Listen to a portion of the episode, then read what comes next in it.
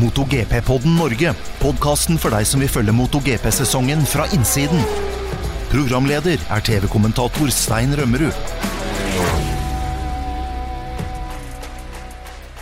Velkommen. Endelig MotoGP-podden Norge nok en gang. Det nærmer seg jul. 2023-sesongen er over. Vi har nettopp sett eh, Pekko Bagnaya bli verdensmester, og det er på tide å oppsummere litt av både det vi opplevde i Valencia, men eh, kanskje enda viktigere, hva vi ser begynner å skje foran 2024-sesongen. Jeg har med meg eh, to kommentatorkollegaer i dag. Karoline Olsen, velkommen. Tusen takk.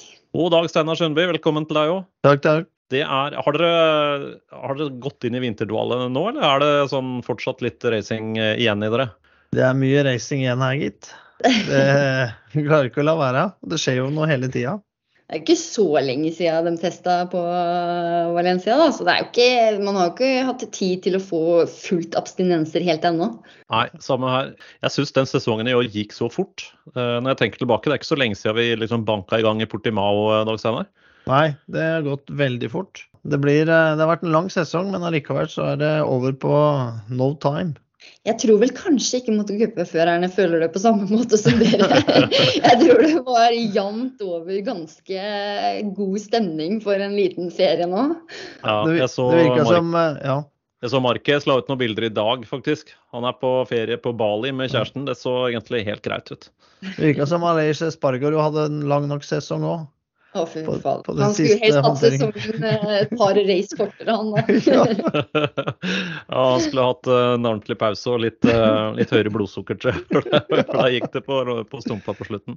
Men, men, det var jo sesongfinale da, i Valencia, og det ble jo faktisk en ekte finale også. Og det etter en kjempelang sesong. 20 VM-runder, 20 sprintløp, 20 hovedløp, så alt i alt 40 løp som ble kjørt i år. Og jammen var det spennende helt inn. Vi fikk jo en eh, ekte finale, og det så jo ut til å bli superspennende da eh, Martin banka til med en seier i eh, sprintløpet på lørdag, Dag Steinar. Da var, jo, da var det jo litt spenning igjen. Ja, det var jo det. Da ble det jo snudd litt igjen. og da gikk jo pennen litt over til Martin, men vi også sett tidligere da, at det ofte så er jo han den raskeste på sprintløpet, så kommer Bagnaia tilbake igjen da på, på søndag. Og eh, det var ingen tvil om tenningsnivået i hvert fall på søndag. Det var relativt høyt. Og det var kanskje for høyt? For, for uh, Bagnaya er jo, og det teamet der, de er alltid gode på, på, søndager. Det virker som de jobber hele fredagen, hele lørdagen med tanke på hovedløpet på søndag. Der da det er mest poeng å hente. og mm for en eh, ja, verdensmesteropptreden vi så. Ja, det var veldig bra. Han var jo eh, holdt seg kald. Han hadde jo ikke noe særlig bra, bra lørdag, men han eh, kom igjen på, på søndag det steady, da, og da var det jo da var det litt sånn rookie-takter over Martin, kanskje. Han var litt uheldig. Holdt på å gjøre det samme, eller han gjorde jo det samme som Bagnaya gjorde i, i Doha i forhold til Gian Antonio. Ble sugd inn i slipstreamet der, og da da eksploderte du etter det.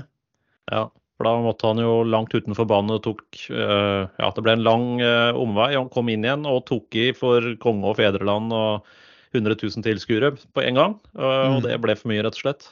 Men det var jo litt det var jo liksom på, på lørdagen etter sprintracet, og man begynte å telle da Bagnaya hvis Martin vinner. Og Bagnaya må bli nummer fire eller fem, var det vel.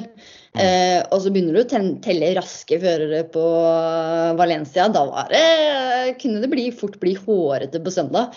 Og jeg vil jo si at mm, Bagnaya fikk jo litt hjelp. Altså, du hadde Brad Binder i tet som dreit seg ut og tok en long lap eh, helt frivillig. Og du hadde eh, Jack Miller som krasja fra ledelse. Og du hadde en Jorge Martin som tok ut en Mark Marquez som hadde kjempetempo etter en pallplass på lørdag. Så hadde du Fabio Di Giantonio og Sarko som kom bakfra. Så jeg syns liksom at han fikk litt hjelp òg. Mm. Ja, jo det, det, gikk hans vei, for å si det sånn. Men han, at han hadde en skikkelig champion-mentalitet, det er det ikke noe tvil om. Han klarte jo å holde hodet kaldt hele veien. Det gjorde han. Iskaldt. Og ja. tok seieren også. Så det, når du først skal bli verdensmester, så er det jo ikke noen bedre måte å gjøre det på enn det der. Så Status eh, til slutt det ble Bagnaya 467 og verdensmester for andre gang på rad. Martin på andre 428 og på tredje Betsekki 329, fulgt av eh, Brad Binder, Sarko og Aleish Espargaro. Ingen stor overraskelse kanskje, men jammen var det spennende helt inn. Og det er jo litt sånn eh, når vi kommenterer Dag Steinar, noen ganger så aner vi jo konturene av hvordan dette her kommer til å gå, men vi, vi skal jo ikke punktere spenninga heller. Det er jo litt av jobben det å prøve å holde trøkket oppe og, og seerinteressen på topp. Jo, vi må jo det. Men klart, eh, det kunne jo blitt hva som helst, egentlig. Og litt som Karoline sa, det var jo eh, mange andre involverte der med kjempetempo, så det Ja. Man veit jo aldri. Vi husker jo Rossi også fra 2006. Hvor, eh, hvordan han lå an og hvordan det gikk, så han veit jo aldri. Jeg syns dere var flinke, jeg. fordi det var jo litt sånn at etter at eh, Martin, Jorge Martin tok ut Marc Marquez, så var det liksom en sånn der lufta ut av ballongen. Nå er mesterskapet avgjort. Men så var det jo et vanvittig bra race derfra og inn òg, hvis du ikke ikke tenker mesterskap. Så mm. det ble jo, når du kom over den skuffelsen at fader, var ikke det her et løp som skulle gå helt til slutten, så var det jo et eh, knalløp med mye bra fighting. Ja, for jeg, jeg tror jeg trakk konklusjonen litt for tidlig. For da, eh, da Martin kom inn i dragsuget bak Bagnaya der og, og, holdt på å ta med Bagnaya ut i en kjempekrasj. Men han klarte å styre utenom, og så ble det en lang omvei. Og jeg tror det var da jeg sa at eh, nå er mesterskapet avgjort.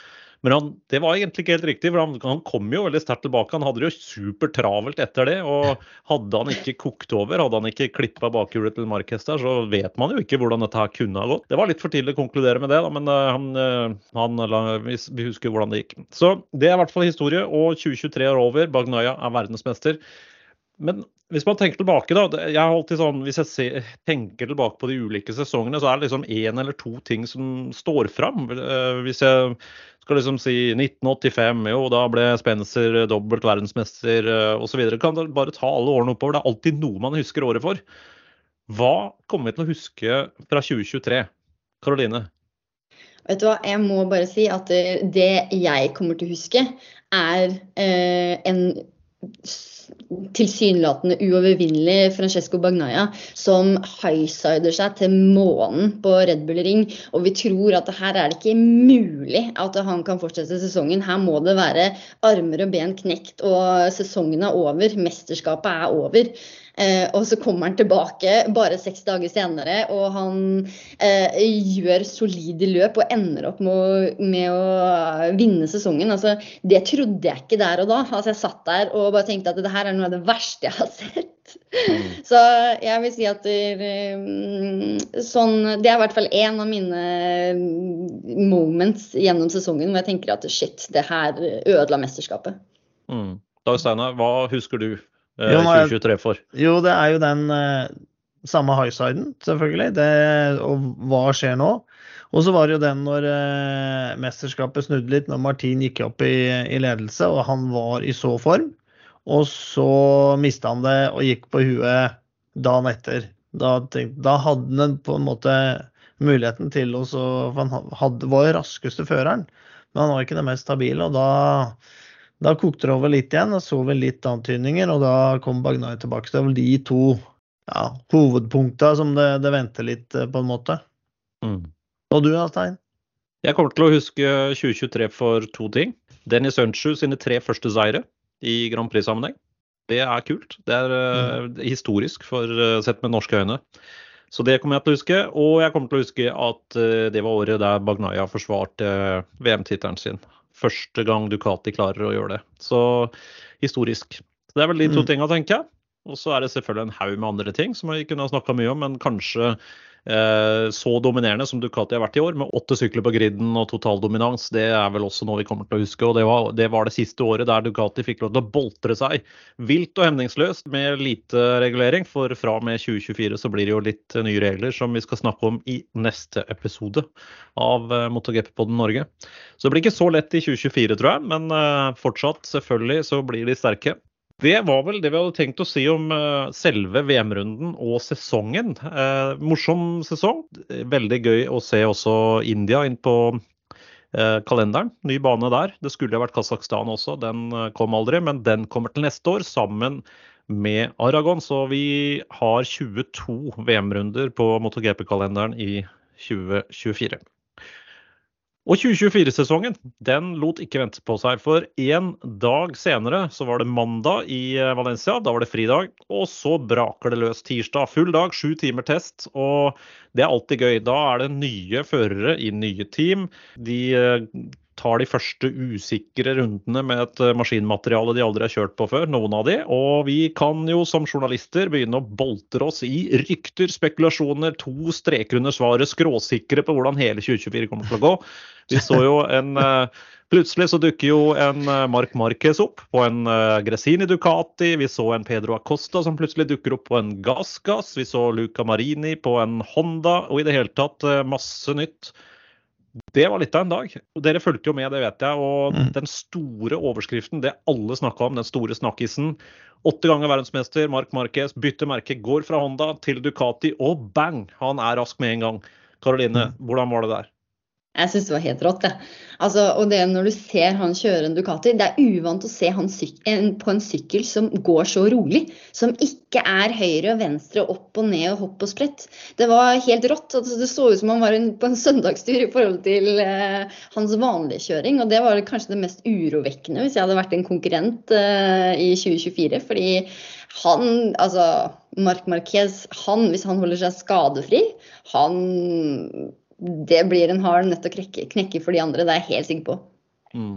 For han var jo allerede i løpet av den dagen ned på 1.29,4, og det er jo Han var også raskere med den Ducati Gresini da, enn det han egentlig var med Honda. Hvis du ser på de rundene han satte sammen også, han virka jo utrolig komfortabel. Og det verste er det at han pusha ikke maks heller. Eh, han hadde jo mye igjen. Og det ser du jo på sektortidene, og det ser du på åssen teamet jobba der også.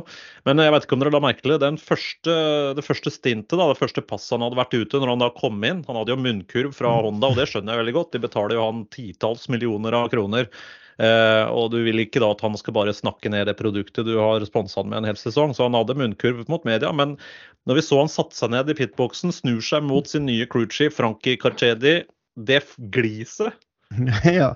Priceless. Det var Altså, det sa alt. Og jeg kjente at jeg bare Yes, yes! Kan ikke 2024 begynne nå? For jeg bare sa at det her Altså, han elska den sykkelen. Smilet hans sa alt. Jeg syns det var helt rått. Ja. Ja, det var det. Det var sånn Ja, det var en sånn dette, blir, eh, dette, dette, kommer til å bli bra. Det var det, liksom det smilet sa, og han gliste. At her er det muligheter. Så eh, nei, det var jo Han brukte vel 42 runder, og så var han eh, på den Ducatien så var han toppa han lista en periode der. Så ja. Han var faktisk raskeste Ducati-fører mm. en periode. Og når de var ferdige, da nå, nå, skal man jo ikke lese for mye ut av disse beste rundetidene, for det er jo ikke det som er interessant man, på en sånn type test. Men de fleste legger jo på litt softere dekk og gjør en liten time attack på slutten. Det ligger mye PR i det, mm. og det er også for å teste litt eh, grenser og se hvordan det funker. Men han, det var kun én Ducati-fører foran han på lista, det var Marco Bezzecchi. Ja. Og, og da snakker vi vi snakker sju hundredeler eh, ja. mellom de to. Og så kan vi se litt, ja, Franco Morbidelli også, da, er jo en fører som har litt å bevise som kommer fra Yaman. Og det var jo ikke det samme tempoøkninga der som det, det Marquez hadde. Nei, Det er et godt uh, poeng. Han var jo godt ned på, på lista der, Franco Morbidelli. Han var vel ned på 16. faktisk, med sin Pramac Ducati, for han blir jo teamkollega med Martin der til, ja. uh, til neste år. Uh, men, jeg, men, jeg, tror ja. egentlig ikke at Marquez var så veldig lei seg for å være Han ble vel nummer fire på testen, gjorde han ikke det? Han ble fire på testen, ja. Fire ja, totalt, og han, og han har jo vært en ekspert på å snakke ned seg selv i alle settinger de siste åra.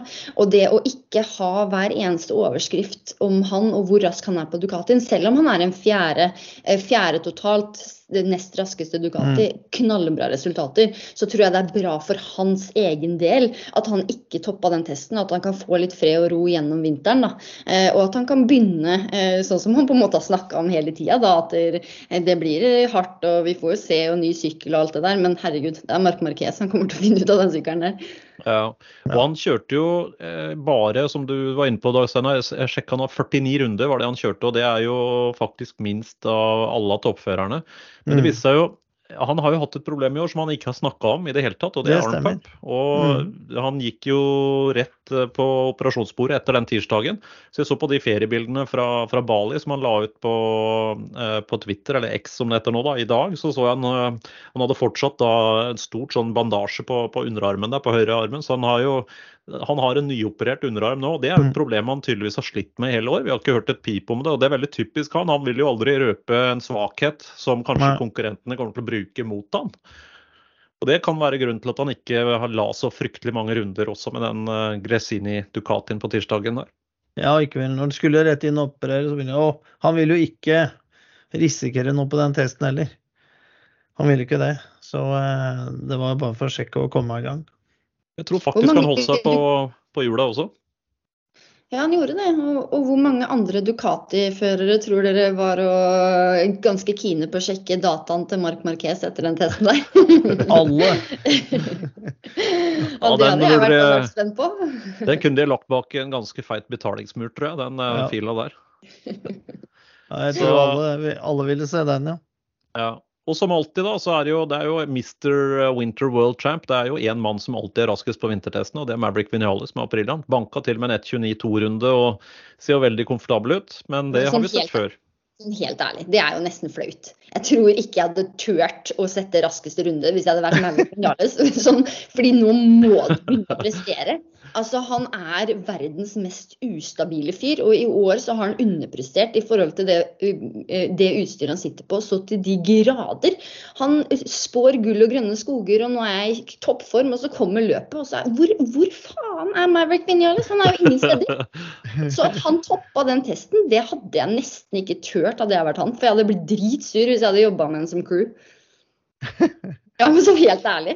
Jo, han er jo en ustabil uh, fører. og det, det som er litt sånn nå, da, når de kjører de tester sånn, så kjører jo de alltid etter løpa. Nå greit, nå var det én dag imellom, og så hadde de vært utpå der med Moto 3 og Moto 2 med Pirelli-dekka.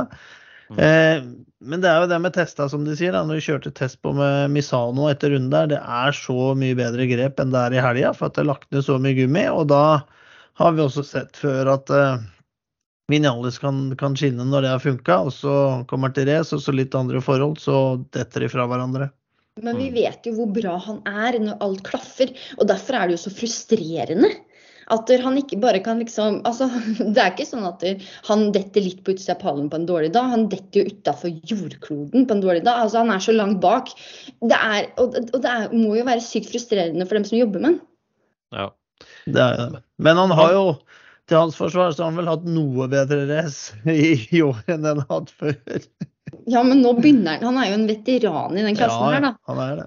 Ja. Altså, han kjørte 86 runder på testen eh, på den tirsdagen, Maverick Vinales. Jeg regna litt på det. Da. Det er 34,5 mil. Det er mm. uh, Oslo, nesten Røros, i fullt trøkk. Det er ganske langt.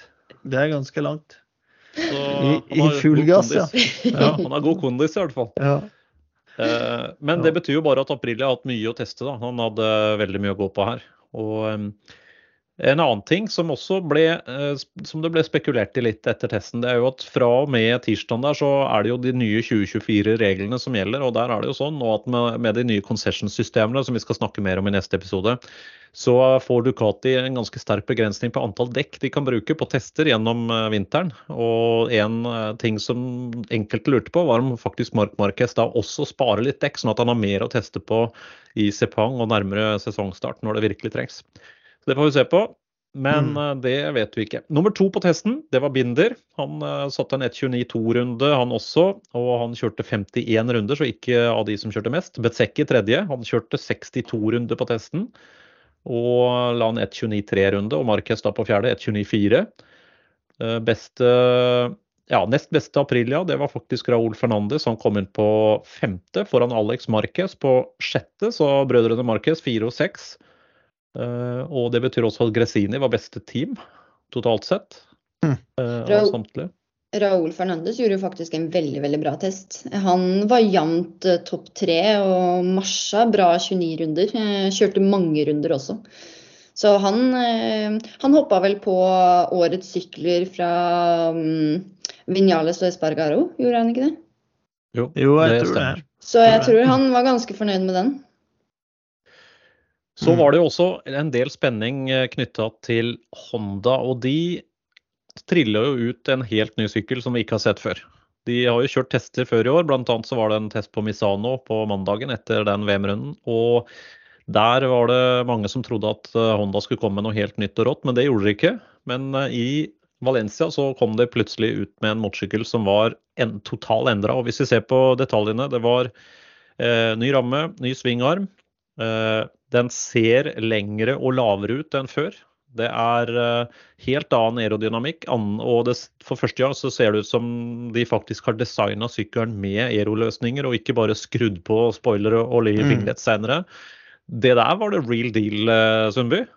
Ja, jeg syns det også. De hadde så ut som virkelig hadde gjort noe nå. og... Uh, det som er litt synd, er at kanskje ikke de tok det taket og gunna på så de hadde noe tilsvarende at det en, i hvert fall på vei da, under Misano-testen, for da kunne det godt være at eh, Marquez hadde blitt. Så eh, det var jo det som var avgjørende, at de ikke hadde gjort nok. Men nå ser vi hva de har gjort nå de to siste månedene. Og det er jo som sier radikalt nytt, og det ser ut som det er noe helt annet enn det det har vært tidligere. Og vi hørte jo Mir også var veldig happy med, med den nye sykkelen. Så det er første gang han har kjent at Honda virkelig har gjort noe. Ja, og det, det er jo det er helt tydelig ny, et nytt designkonsept. Hondaen har jo vært uh, kort og høy, egentlig, sammenlignet med f.eks. Ducatien. og hvis, På det blotte øyet så ser du at det er en annen konstruksjon. Den er lavere, den er mer 2024 enn det, enn det Hondaen har vært før. og Nå kunne jo ikke nå kunne jo ikke Luca Marini si noe. Han ble jo nummer ti på testen og ble faktisk beste av Honda-førerne. Men Mir på 13. han kunne jo si masse, og han var jo, han jo blidere nå enn vi har sett han helt siden 2020, da han ble verdensmester. Ja. Men, men, det er jo også litt sånn at før Marquez tok det valget om å gå til Grisini, så drev han jo også hinta litt om at han skulle ta det valget som var best for eh, alle sammen. Altså både seg selv og Honda og alt. Og det kan vel tenkes at det at Marquez har gått over til Ducati, har gjort det lettere for Honda å få concessions også. Um, så det er klart at det, um, det er ikke sikkert, selv om de hadde kommet med en bedre sykkel, at det hadde vært et bedre resultat sånn langtidsmessig for Honda hvis Marquez hadde blitt. da. Mm. Og Nå er det også ingen begrensninger for Honda neste år når det gjelder antall motorer. De kan gjøre så mange motor-upgrades og så mange aero-upgrades de bare måtte ønske gjennom hele sesongen. Og de står også helt fritt til å teste, så de kan teste så mye de orker.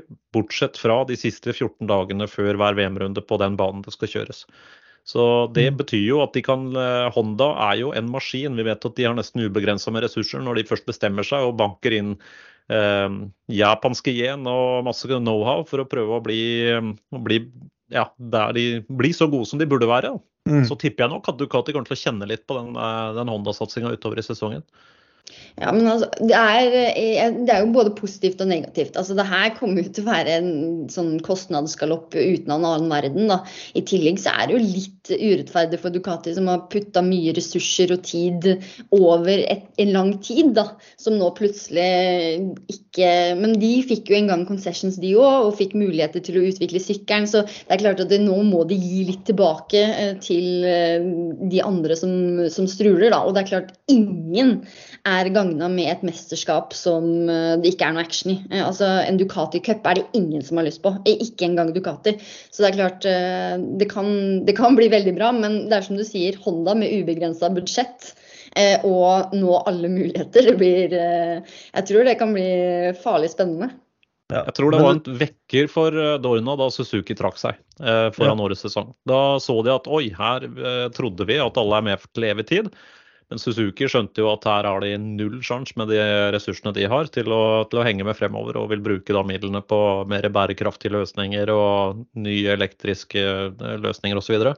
Uh, og jeg tror Dorna med Carmelo Espeleta i spissen var livredde for at det der skulle smitte over på de andre japanske. Og når de da så hvor dominerende først og fremst Ducati har vært, men også Aprilia og KTM har vært i år, sammenligna med de to japanske, når du ser Honda, som jo er et av de mest uh, tradisjonsrike og mest seiersrike teamene gjennom hele MotoGP-historien, er helt i bånn av både teammesterskapet og konstruktørmesterskapet. Mm. Det svir, for Honda er utrolig stolte når det gjelder den uh, motorsporthistorien sin.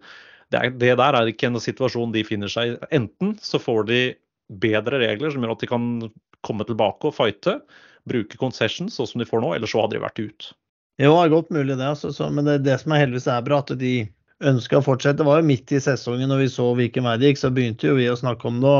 Vil det til slutt bli at de er i den situasjonen at de trekker seg ut, at de vil ikke tape mer ansikt og gjøre hele andre ting? Det, det kunne vært det, altså. For det er hvordan sporten brukes også for fabrikkene til utvikling og sånne ting. Og, da, og, tidligere så har det jo vært helt klart viktigste delen for Honda har jo vært på elektronikkdelen og den de forskjellige ja, løsninger der som de kan føre over til gate, avanserte gatesykler, liksom. Og den, de var jo de som var mest piss da når de måtte opp på Magneti Marelli. Mm. Så eh, det kunne fort vært at eh, de sa takk for seg, nå gjør vi noe annet. Men nå er det heldigvis det motsatte vi ser. Det er full satsing, ja. det er ny motorsykkel, og det er eh, masse muligheter for Honda nå til å teste seg fram til et konsept som kan utfordre Ducatiene. En annen fører som eh, det var veldig stor spenning eh, rundt og knytta til, det var unggutten Pedro Acosta, som kom eh, direkte fra Moto 2. Han ble jo verdensmester der i år.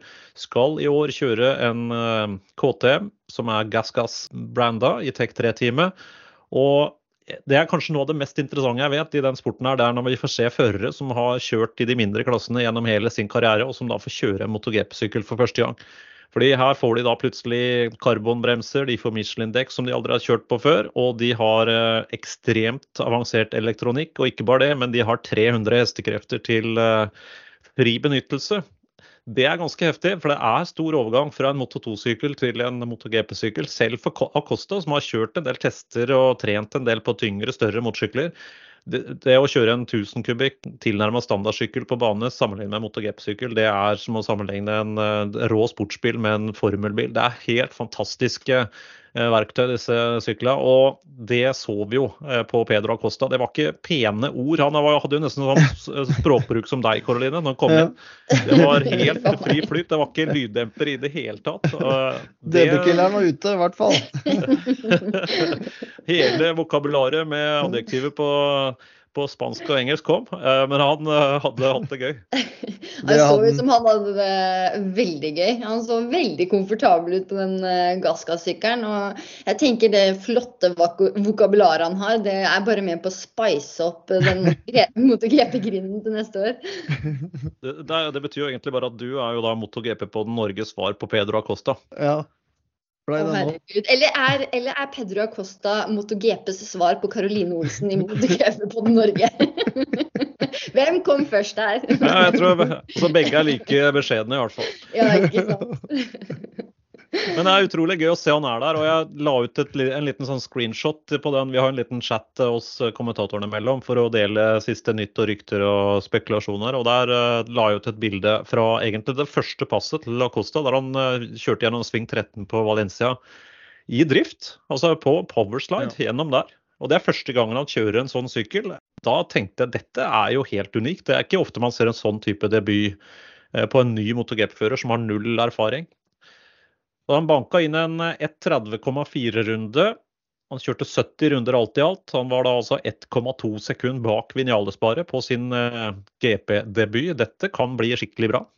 Ja, jeg tror det blir veldig bra. Så han er jo en, eh, en unik pilot av nå, som skal bli veldig spennende å følge. Håper nesten at han ikke vil altfor mye i debutsesongen. For det, vi har jo sett at det begynner å røyne, det kan jo fort røyne på litt av. At man krasjer seg bort litt og mister litt veien. Så eh, ja, så får vi se da hvor bra oppdatert sykkel han får hos Gassgass mot hva de tidligere har hatt. Men dette er vel en fører som er viktigst for KTM å beholde. Så jeg tror kanskje det blir noe, noe ekstra goodies der eh, etter hvert, hvis det ikke holder mål. Ja, og det er vel bare et år han får på seg i det Tech 3-teamet før han skal opp til Factory-teamet, tipper jeg. Jeg setter ei god flaske spansk rødvin på at han skal kjøre i Factory-teamet fra 2025. Det blir jo full omstokking når hele den silly-sesongen der begynner med alle kontrakter og alt. Ellers, eh, vi bør vel kanskje si litt om Yamaha også. De hadde jo med seg testfører Cal Crutchlow denne gangen, som kjørte på en eh, sånn Yamaha Factory-branda Yamaha. Og så hadde vi da i tillegg Alex Rins, som eh, kjørte mm. for første gang på Yamahaen. Og selvfølgelig Fabio Quartararo. Quartararo var raskest. Han kjørte 63 runder, la en 1.30 blank runde, så han ble nummer 12 på totallista. Rins var vel da nede på 19. Han kjørte 1.30,5, så det var et halvsekund mm. eh, langsommere. Og Cal Crutchlow like bak på 1.30,7. Crutchlow kjørte 74 runder, så gammelen har jo litt kondis fortsatt, tydeligvis. Men, han eh, sykler mye, vet du. Ja, sykler rundt på Isle of Man, han. Det, og så kjører han jo aldri motorsykkel lenger, da, så han må jo utnytte tida når han først får uh, tid på banen. Kjører mest mulig. Det er klart det. Det er gratis dekk og bensin der, bare å gi gass. Eh, men eh, hvis vi ser på det Yamaha tok med seg ned dit Jeg hadde litt forventninger til at de også skulle gjøre noe à la Honda med store endringer, men det var ikke de helt store nyhetene der i går, Dag Steinar? Nei, det så, så, rimelig likt ut. Det de jobba mye med, er jo den motoren. Carl Crutcher kjørte jo eh, for å teste motoren hele tida. Så, eh, og la inn kilometer på det og prøvde å analysere det. Men nå er de den eneste som er igjen da, med rekke fire-motor, så jeg tror, eh, jeg tror Yama skal få kjempe neste år. Selv om Rins var jo veldig happy, egentlig. Mm. Det var veldig grov i lyden. Det var flere som spekulerte i om de hadde plukka ut en V4, men dette er jo fortsatt en crossplane tenningsrekkefølgen. Ja. Altså, den høres jo veldig V4-aktig ut, og nå var den nesten grøvere i målet enn det jeg har hørt den noensinne. Ja, ja. Det kan jo, De altså- hadde jo det nye eksosanlegget med to piper, så det det gjør jo noe sikkert, og lengre piper sånn eksosen der. Men eh, ja, det kan hende må har gjort om noe på tenningsrekkefølgen eh, på, på den nye, da. Mm. Altså må du huske at Rins han kom fra Holland, da. Så det skal ja. sikkert lite til for å imponere han, tenker jeg. Men han mm. vant jo også med den Hondaen. ja, det er helt sant. Eneste fører som vant eh, med Honda ja. i 2023. Det, skal, det, det, blir jo skrevet inn i historiebøkene på Circuit of the Americas. Mm. Men eh, så Litt anonymt der, men de har jo da de samme concessions-mulighetene som Honda. De står fritt i hele 2024 til å kjøre så mye tester de bare orker. Eh, de har en begrensning på antall dekk, men de har så mange dekksett at de klarer ikke å bruke opp. Og de kan også bytte så mye motorer og så mye aero de bare ønsker gjennom hele året. Og de står også veldig fritt når det gjelder bruk av wildcards. Eh, det betyr at hvis de nå går inn for det, så tror jeg de har alle muligheter for å forbedre seg sammenlignet med, med der de har vært hittil. Og så går det jo et rykte nå, da. Eh, Yamaha og Linn Jarvis, som er sjefen for Yamahas MotoGP-satsing, har vært på jakt etter et satellitteam over lang tid. Og mye tyder på at det er en samtale som har båret frukter mellom eh, Yamahas eh, ledelse og en viss Valentino Rossi, som visstnok driver et eh, Ducati-team. Eh, som eh, muligens skal over på Yamaha om to år, da, 2025. Mm. Er det noe hold i dette, Sundby? Jeg tror det. Jeg tror det er det. Jeg tror at de får kan si, Dorna vil eh, ha flere Yamaer på griden. Yama vil det, og eh, Rossi er Yama-ambassadør og har Yama-branda team i Moto 2. Og får garantert en mye bedre avtale med Yama enn det de får med, med Ducati. Eh, det er sånn, så jeg tror de vil, de vil gå over. Mm. Tror jeg. Karoline, hva tror du? Helt klart. Jeg håper det. Altså Yamaha trenger det, og jeg tror eh, Rossi han har lyst på en utfordring. Han vil ikke være ett av fire Ducati-team. Han har lyst til å bygge noe eget, og det tror jeg han har større sjanse til å gjøre med Yamaha. Ja. ja. Og det gjør også at man reduserer Ducati-dominansen fra åtte til seks sykler. Så det er jo det er veldig mye som tyder på at dette ja, jeg, For å være helt ærlig, jeg tror dette har uh, vært i korta veldig lenge. Og ja. vi må huske på at uh, de har også flere i det teamet som har tette bånd mot Yamaha og kjenner Yamaha veldig godt. Én eh, ting er eieren, selvfølgelig, Valentino Rossi. Eh, vi har Johan Stigefeldt, som vi vet er veldig tett mot, mot Yamaha. Og, og, flere andre også i det teamet. Så jeg tror jeg tror det er noe i det, og jeg tror dette ble avgjort for ganske lenge siden. Vi husker jo um, sjefsklemmeren sjøl, uh, FIM-presidenten uh, Jorge Viejas, som jo er en storsjarmør og glad i å bli tatt bilde av. Han uh, sa jo, han lekte jo journalist for halvannet år siden og klinka til og sa at dette kommer til å skje. Jeg tror han visste noe allerede da, men han bare glemte å holde kjeft. Da, da, måtte han vel litt i rampelyset. Han hadde ikke fått vært på pallen vet, på noe løp og forklemt klemt og vise seg litt. Så da måtte han komme ut i spotlighten litt med noe nytt. Det funka, det. Ja, ja.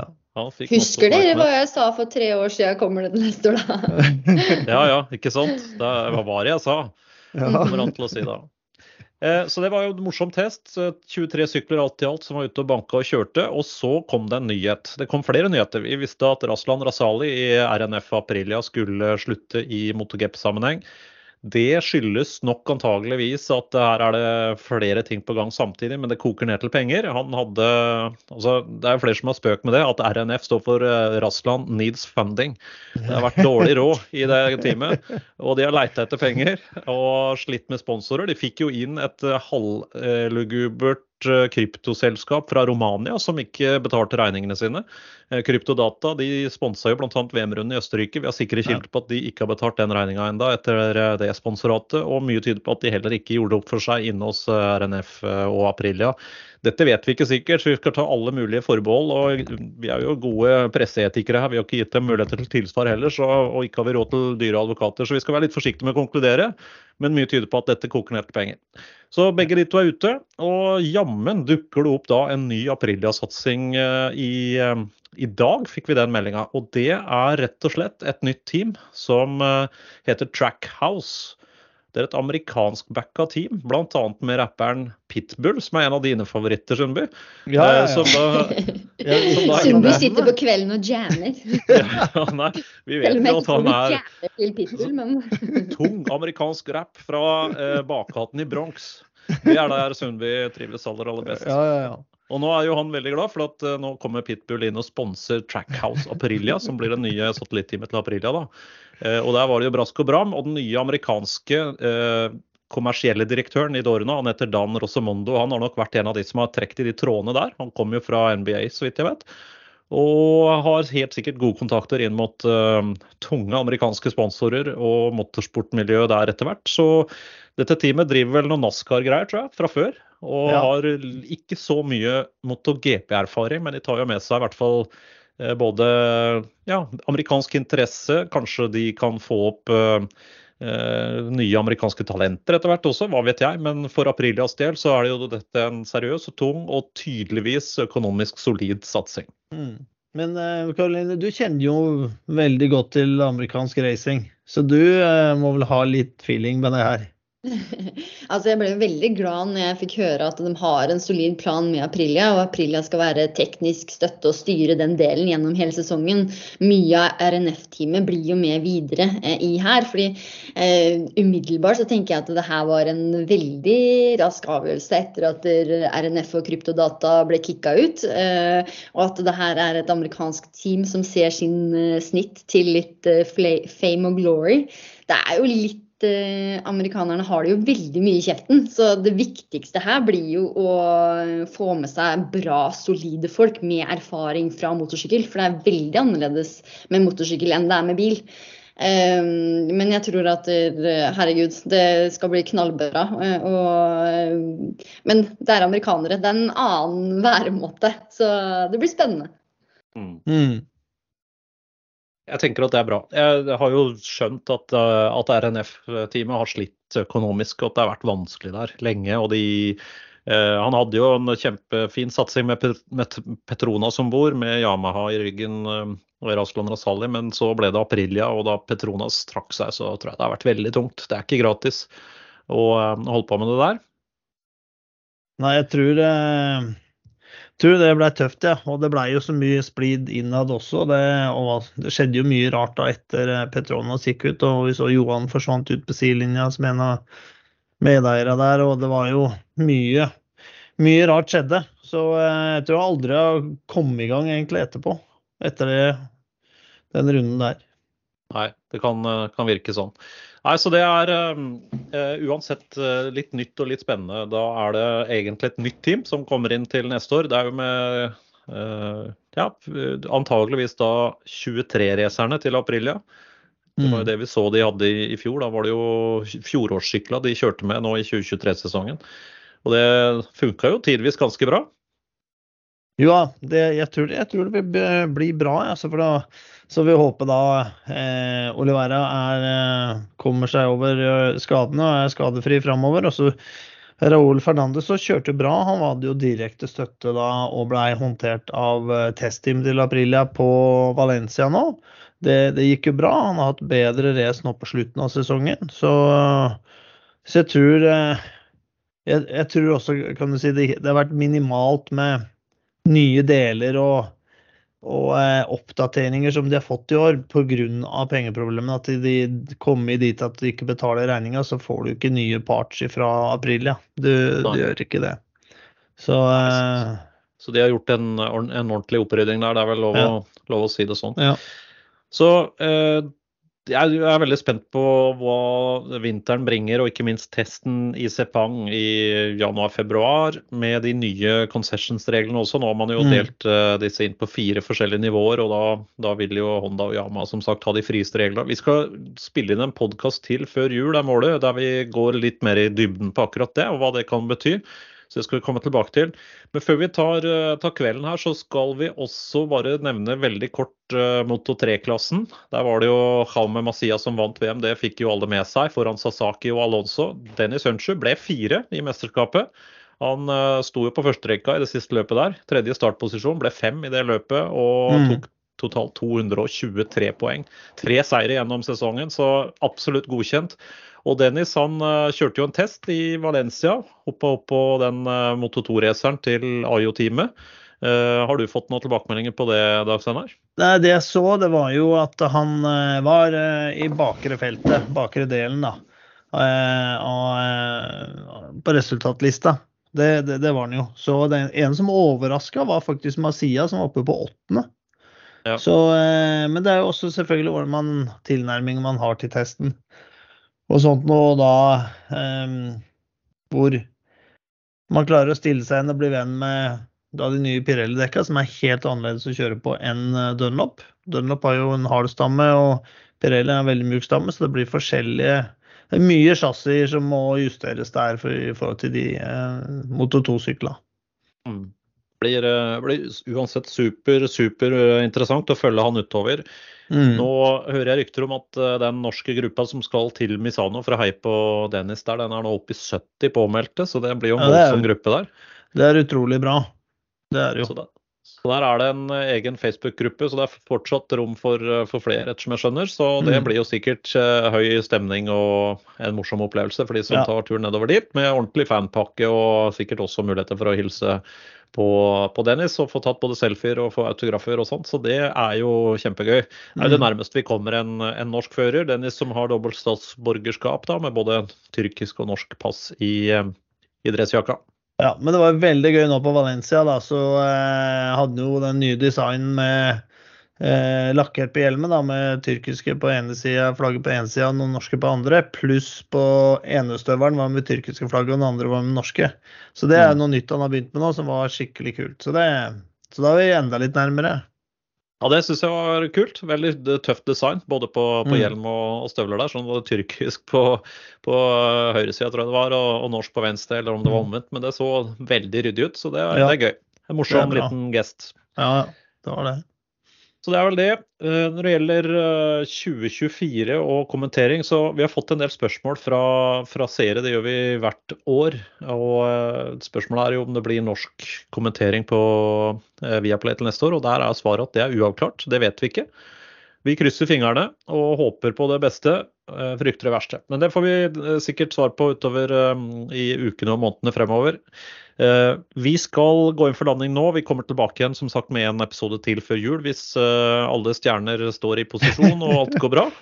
Men også, nå, jeg vet det mange lyttere nå som lurer hvordan går det med denne elektriske motorsykkelen din? Jo, nå skal du høre her. Min Stark Varg den uh, døde jo under uh, forsøket montering. på Ja, under montering. Altså jeg skulle laste opp ny programvare, for det ville han ha. Og da den stoppa midt i den eh, programvareoppdateringa. Og for alle som har prøvd det på en mobil eller en PC, hvis du avbryter en sånn programvareopplasting midt i, det blir aldri bra. Men det var en kjent feil, og fabrikken har jo vært veldig hjelpsomme. Så de fikk da pakke pakka en sånn ny, en ny batteripakke eh, på en trailer og shippa oppover. Så den kom her på Eidsvoll. Eh, det var, en, eh, det var noe som heter Post Nord. En sjåfør som ikke mm. var så glad i å kjøre på vinterføre. Han bare åpna baklemmen og kasta den pallen ut, så den sto midt i snøhaugen ute her et døgns tid. Men nå har jeg i hvert fall fått det nye batteriet. Ja. Så her kom det 40 kg med batteri og noe elektronikk. Eh, og da er det det er jo ikke et veldig velutbygd servicenett enda på Stark, sånn at eh, her må kunden skru sjøl. Så det er en Ja. splitter ny sykkel. Jeg har ennå ikke kjørt én meter, men nå skal jeg da demontere den og inn med en ny batteripakke. Det er ikke sånn å bytte batteri på en, eh, på en lommelykt, for å si det sånn. Det, Nei, det må Det er ikke det, nei. nei. Nei, det er ikke det. Så, så det jeg fikk var en video, en YouTube-video. Sånn gjør du det fra A til Å.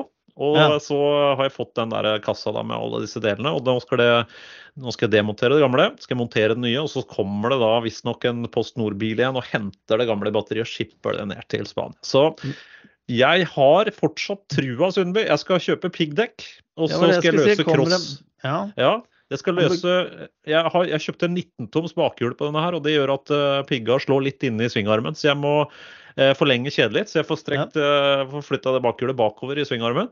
Ja. Og så har jeg kjøpt meg uh, Crossutstyret mitt hadde jo gått eh, Altså det var jo moderne 17. mai 1814, så nå har jeg fått meg helt nytt crossutstyr. Så det Og- er ikke noe med størrelsen å gjøre? Eh, Jo, det er hengt på yttervegg, så det ble litt trangt. Så det har skjedd noe der også. Det er fukt og kulde, vet du. Det ødelegger jo sånt eh, gammelt utstyr. Ja. Så nå har jeg fått meg det. Og så uh, skal jeg kjøpe piggdekk nå. Så nå er jeg Ja. på leting etter bra pigger. Og så skal jeg løse crosslisens, og så skal jeg kjøre på isbane i vinter. Vi går inn for landing nå. Det ble en lang prat og eh, en morsom prat. Vi er tilbake før jul, som sagt, hvis alt går etter planen. Eh, Og eh, da skal vi snakke om concessions og 2024 i detalj. Så Karoline, Dag Steinar, takk for praten. Takk selv. Takk, takk. Så snakkes vi senere. Ha det bra! Ha det. Du har hørt MotoGP-podden Norge med programleder Stein Rømmerud. Og jeg hører Sorry, Ole Bjørn er ute og kjører eh, motorsykkel. Han skjønner for det har snødd. Så han er ute og kjører. Så jeg må bare ta han.